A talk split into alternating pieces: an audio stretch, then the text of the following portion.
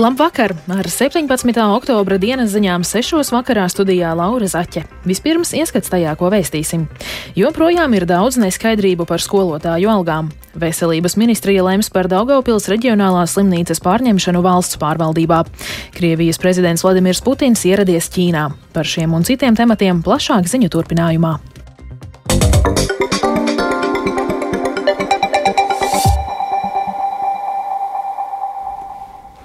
Joprojām nav skaidrības par skolotāju algām. Skolotāju vidū radies sašutums, jo solītā algas pieauguma vietā dažiem tā ir pat samazinājusies. Kāpēc tā? Par to plašāk Agnijas Lazdeņas ierakstā. Sarūktinājums, neskaidrība un vilšanās. Tā par savām sajūtām stāsta Ventspils pirmās pamatskolas vēstures un sociālo zinību skolotāja Inita Āboliņa. Pirmo reizi es jūtos, nu, Es varu gudīgi pateikt, kā dūns mugurā ieturs, jo ieraugot savu kontā ienākušo saldu, mans konkrētais samazinājums ir mīnus 110 eiro, nevis palielinājums, neto alga. Āboliņa stāsta, ka iepriekš viņas alga bruto ir bijusi aptuveni 1136 eiro, taču šogad atalgojuma likme ir par apmēram 90 eiro vairāk. Taču ar 1. septembrī ir notikusi pārēja no 30 stundu darba nedēļas uz 36 stundu, sabalansējot skolotāju darba nedēļu un nodrošinot nodrošinot 65% un 35% darba slodzes sadalījumu, tostarp arī proporcionāli palielinot skolotāju zemāko bruto algas likmi no 900 eiro uz 1080 eiro. It kā maksājot, protams, to mēs redzam proporcionāli par visiem skolotāju daudziem, kas tagad ar skolu 23 prasībām ir augsts papildus darbiem. Tas ir proporcionāli palielinājies. Bet vienalga valstī nosauktā likmes alga tagad neatiec uz 30 apmaksātām darba stundām, bet uz 36. Mums tomēr ir jādomā, kā ļaut pedagogiem strādāt vairāk un arī saņemt vairāk. Tā uzsvera Latvijas pašvaldību savienības padomniece izglītības un kultūras jautājumos Ināra Dundure. Sanāk tā, ka no vienas puses mēs kārtojam sistēmu, bet ir mazāk iespējas vai arī pat nav ieteicams, ka strādā vairāk nekā likmi. Šo ceturtdienu Latvijas izglītības un zinātnes darbinieku arotbiedrība rīkos sanāksmi par valsts budžeta mērķdotācijas aprēķiniem un konstatētajām problēmām. Sēdē piedalīsies arī izglītības un zinātnes ministrijas pārstāvi, kas sniegšot skaidrojumu. Agnija Lazdiņa, Latvijas radio. Daugaupils reģionālās slimnīcas pārstāvji piedāvājuši valstī pārņemt slimnīcu valsts pārvaldībā, jo uzskata to par risinājumu iestādes kritiskajai finansiālajai situācijai. Par nozari atbildīgais ministrs Hosams Abumerī no jaunās vienotības solījis izvērtēt iespējas pārņemt slimnīcu valsts pārziņā. Taču izrādās, ka veselības ministrijai jau pirms pieciem gadiem bijusi iecerē kļūt par Daugaupils reģionālās slimnīcas līdzīpašnieci, tomēr tā nav īstenojusies. Vairāk stāsta Zana Eniņa. Piedāvājums pārņemt iestādi valsts pārvaldībā izskanēja vakar, kad Daugopils reģionālo slimnīcu apmeklēja veselības ministrs. Iestādes vadītājs Grigorijs Semjonovs jau kopš gada sākuma ir cēlis trauksmi par slimnīcas nemitīgo dzīvi uz parāda, jo ar saņemto valsts finansējumu nepietiek, lai sektu izmaksas par elektrību, pacientu ēdināšanu un citiem ārpakalpojumiem.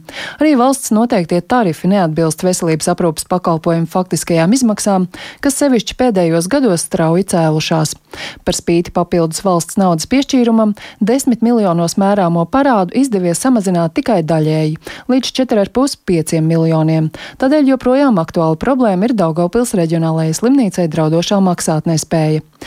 Pēc vizītes ministrs Hosams Abu Merīgan paudis, ka pilnībā nevarot piekrist tam, ka visas problēmas pamato ar naudas trūkumu, jo citās reģionālajās slimnīcās aina nesot tik bēdīga. Tomēr viņš solījis izvērtēt iespēju slimnīcu pārņemt valsts pārziņā.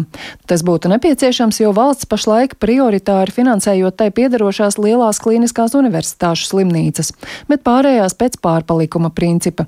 Tā uzskata vienas no slimnīcas īpašniecēm Daugopils pašvaldības pašlaik bezparteiskais vadītājs Andrēs Elksniņš. Un izrādās jau 2017. gadā veselības ministrijā arī tapis konceptuāls ziņojums par valsts līdzdalību Sijā Daugopils reģionālā slimnīca pamatkapitālā.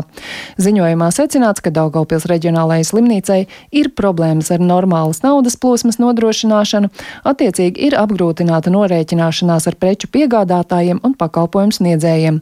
Valsts iesaiste kā līdzīpašniedzēja pašvaldības slimnīcās agrāk jau notikusi, piemēram, Lūdzes slimnīcā, taču tas nenozīmē pašsaprotamu iestādes uzplaukumu un attīstību. Šādu viedokli pauda Latvijas slimnīcu biedrības valdes locekli Daina Mūrmani un Braško. Vienlaikus slimnīcu biedrības pārstāvi uzskata, ka valsts līdzdalība kādas ārstniecības iestādes kapitālā tai nodrošina zināmas priekšrocības un pat nevienlīdzīgu situāciju iepratī citām slimnīcām, jo valsts slimnīcās ir vieglāk dzēst deficītu. Valsts iegulda pamatkapitālā finansējumu, ko iestāde var izmantot, lai apmaksātu parādus, piemēram, par elektroenerģiju vai ūdens piegādi.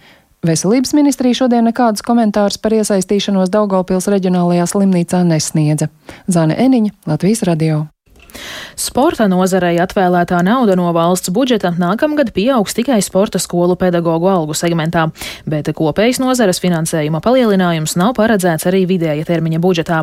Izglītības un zinātnes ministrija nākamgad plāno pati administrēt naudas sadali sportam, bet ar to nav mierā Latvijas Olimpiskā komiteja. Latvijas Paralimpiskajai komitejai nākamā gada budžetā atvēlēti par 100 tūkstošiem eiro vairāk nekā šogad, bet ar to netuvu nav pietiekami, lai organizācija varētu realizēt valsts izvirzītos uzdevumus uzdevumus. Par to šodienas Saimas sporta apakškomisijas sēdē izteicās Latvijas Paralimpiskās komitejas ģenerālsekretāre Liene Apine. Tiešām nav saprotams, jo šis nav diskutēts ar mūsu īpaši. Mēs esam šobrīd apkopojuši jau saņemtās pieprasījums par nākamo gadu. To mēs gribētu izdalīt atsevišķi Latvijas Paralimpiskajai vienībai budžetu, kas mums ir nepieciešams ap 400 tūkstoši, un visiem pārējiem pieprasījumiem šobrīd ir apmēram pusotras miljonus. Un jūs to visu gribat, lai mēs izdarām par 700 tūkstoši. Kopējais budžets Latvijas Paralimpiskajai komitejai, lai veiktu gan federāciju padomas funkcijas, gan paralimpiskās vienības uzturēšanas funkcijas ir aptuveni 2 miljoni.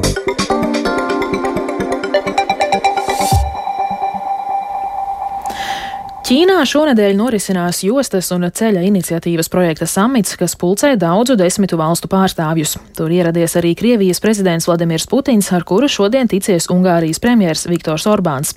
Lai gan Krievija joprojām turpina 2022. gada februārī uzsākto atkārtoto iebrukumu Ukrainā, Orbāns ir centies uzturēt ciešus sakarus ar Kremli. Turpina Rihards Plūme. Tiekoties ar Orbānu, Putins izteicās, ka esot gandarīts par to, ka Krievija joprojām uztur attiecības ar dažām Eiropas valstīm. Abi pārunājuši sadarbību gāzes un naftas piegāžu, kā arī kodolenerģijas jomās. Orbāns norādījis, ka Budapeštai vissvarīgākais ir izbēgt bēgļu plūdus, sankcijas pret Maskavu un kaujas Ukrainā. Orbāns jau sen ir paziņojis, ka Ungārija neuzņems migrantus, tādējādi nonākot pretrunās ar Briseli. Viņš ir arī iestājies pret rietumu sankcijām pret Maskavu. Humanitārā situācija Gazas joslā arvien pasliktinās. Tur nav elektrības un ūdens, kā arī beidzas pārtikas krājumi. Apvienoto Nāciju organizācijas palīdzības un darba aģentūras Palestīnas bēgļiem tuvajos austrumos Eiropas direktore Mārta Lorenzo intervijā Latvijas radio sacīja, ka Izraēlas varas iestādēm būtu jānodrošina humanitārie koridori palīdzības sniegšanai Gazas joslā mītošajiem bēgļiem. Viņa arī norādīja, ka vardarbības pārtraukšana ir aģentūras galvenā prioritāte. Without violence stopping, it is impossible to talk about peace. Neizbeidzot vardarbību, nav iespējams runāt par mieru, neuzlabojot palestīniešu bēgļu dzīves apstākļus un negarantējot viņu pamatiesības, nebūs iespējams uzsākt ilgtermiņa miera sarunas. Kā jau minēju, mūsu galvenā prioritāte ir vardarbības pārtraukšana un humanitāro koridoru atvēršana, civiliedzīvotāju aizsardzība, tostarp mūsu pašu darbinieku aizsardzība. Jāmin, ka mazāk nekā nedēļas laikā vismaz 12 mūsu kolēģi ir gājuši bojā un visi humanās palīdzības darbinieki ir jāaizsargā. Runa ir par skolotājiem, ginekologiem, inženieriem, atbalsta darbiniekiem, kur ir gājuši bojā šīs krīzes laikā. Armēnija ir gatava tuvināties Eiropas Savienībai tik tuvu, cik tas būs iespējams. Tā Strasbūrā uzrunājot Eiropas parlamenta deputātus, sacīja Armēnijas premjers Nikols Pašinjans. Viņš vairāk kārt kritizējis Armēnijas drošības partnerus, to starp Krieviju, par bezdarbību un nevēlēšanos aizsargāt Kalnu Karabahas armēņus. Eiropas parlamenta deputāte Marina Kalieronda, kas vada Eiropas parlamenta delegāciju sadarbībai ar Armēniju, Azerbaidžānu un Gruziju, sacīja, ka Erevānai jāveic sarežģīta izvēle. On one hand, I very much understand that uh, Russia failed No vienas puses es ļoti labi saprotu, ka Krievija pievīla Armēniju, ka prezidents Putins viņus pievīla un ka Krievijas miera uzturētāji jo īpaši viņus pievīla, kad viņi nespēja aizsargāt civiliedzīvotājus Kalnu Karabahā no militārās eskalācijas. Bet Armēnijas priekšā tagad stāv ļoti sarežģīts jautājums, ko darīt tālāk. Armēnija nepiedalījās nesenajās kolektīvās drošības līguma organizācijas militārajās mācībās. Vai viņi pametīs šo organizāciju? Jo, ja viņi vēlas tuvākas attiecības ar Eiropas Savienību un ar mūsu NATO sabiedrotajiem, tad es domāju, ka viņiem būtu tā jāpamet. CSTO. Bojāts sakaru kabelis starp Zviedriju un Igauniju Baltijas jūrā, tā paziņoja Zviedrijas aizsardzības ministrs Pols Junsons, vēsta Igaunijas laikraksts Postimēs.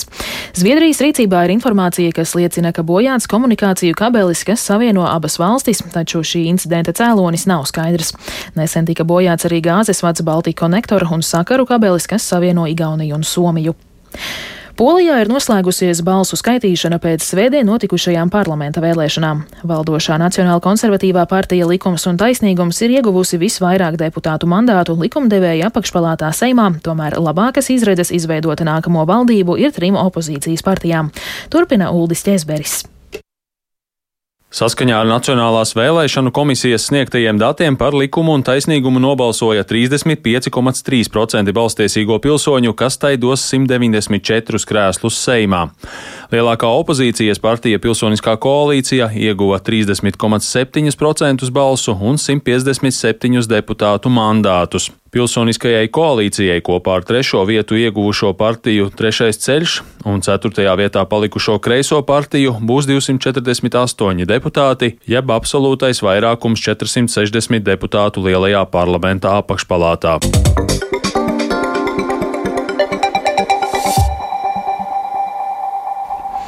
Un vēl pašmājās. Saimā turpina virzīt iedzīvotāju iniciatīvu par reālu cietumsodu par dzīvnieku spīdzināšanu un nogalināšanu. Pašlaik gan likums jau paredz arī brīvības atņemšanu par cietsirdīgu izturēšanos pret dzīvniekiem, bet tas tiek piemērots reti, jo ir vairāki alternatīvi sodi. Tomēr tie nav samērīgi ar cietsirdīgo nodarījumu pret dzīvnieku. Iedzīvotāju iniciatīva tiks virzīta ar papildinājumiem, tā norādīja Saimas krimināltiesību un sodu politikas apakškomisijas vadītājs Andrejs Judins no jaunās vienotības. Problēma šeit nav ar likumu, jo arī tagad brīvības atņemšana uz laiku līdz pieciem gadiem ir paredzēta. Problēma, ka praksē bieži piemēro ļoti vieglu sodu. Un, ja mēs redzam, ka likumu nepiemēro tā, kā vajadzētu piemērot, tad nu, vienkārši norādīt, ka likuma ir pieci gadi paredzēti jau tagad, ar to vien nepietiek. Un uh, mēs gribam izvērst risinājumu. Runa varbūt par uh, alternatīvu sodu skaitu samazināšanu. Proti, probācijas uzraudzība var palikt, bet, piemēram, sabiedrīskais darbs, nu, tā piemērošana ir apšaubā, lai šādus nodarījumus neuzskatītu par maz nozīmīgu. Diskusijā atklājies, ka varmākām bieži nav liekts atkārtoti kļūt par dzīvnieku saimniekiem. Sabiedrības iniciatīvas autore, dzīvnieku aizsardzības biedrības ķepu ķepā pārstāve Gundaga Biderē iezīmē, ka šobrīd ir vairākas tiesvedības par saimnieku cietsirdību pret dzīvniekiem.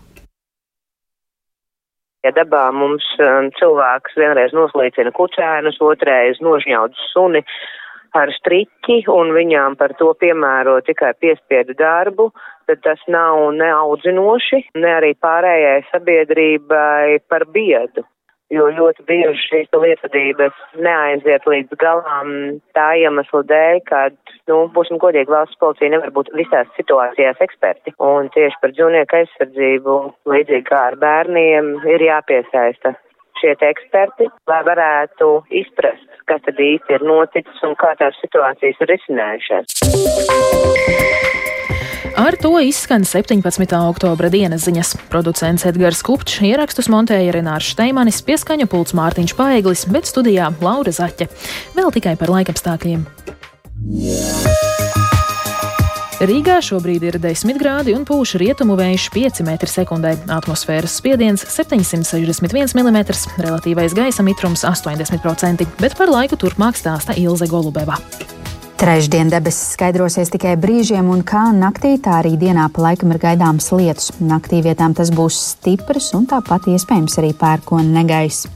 Vējš kopumā būs lēns līdz mērens, bet piekrastē brāzmaiņas un gaisa temperatūra naktī un dienā būs plus 4, plus 11 grādu robežās.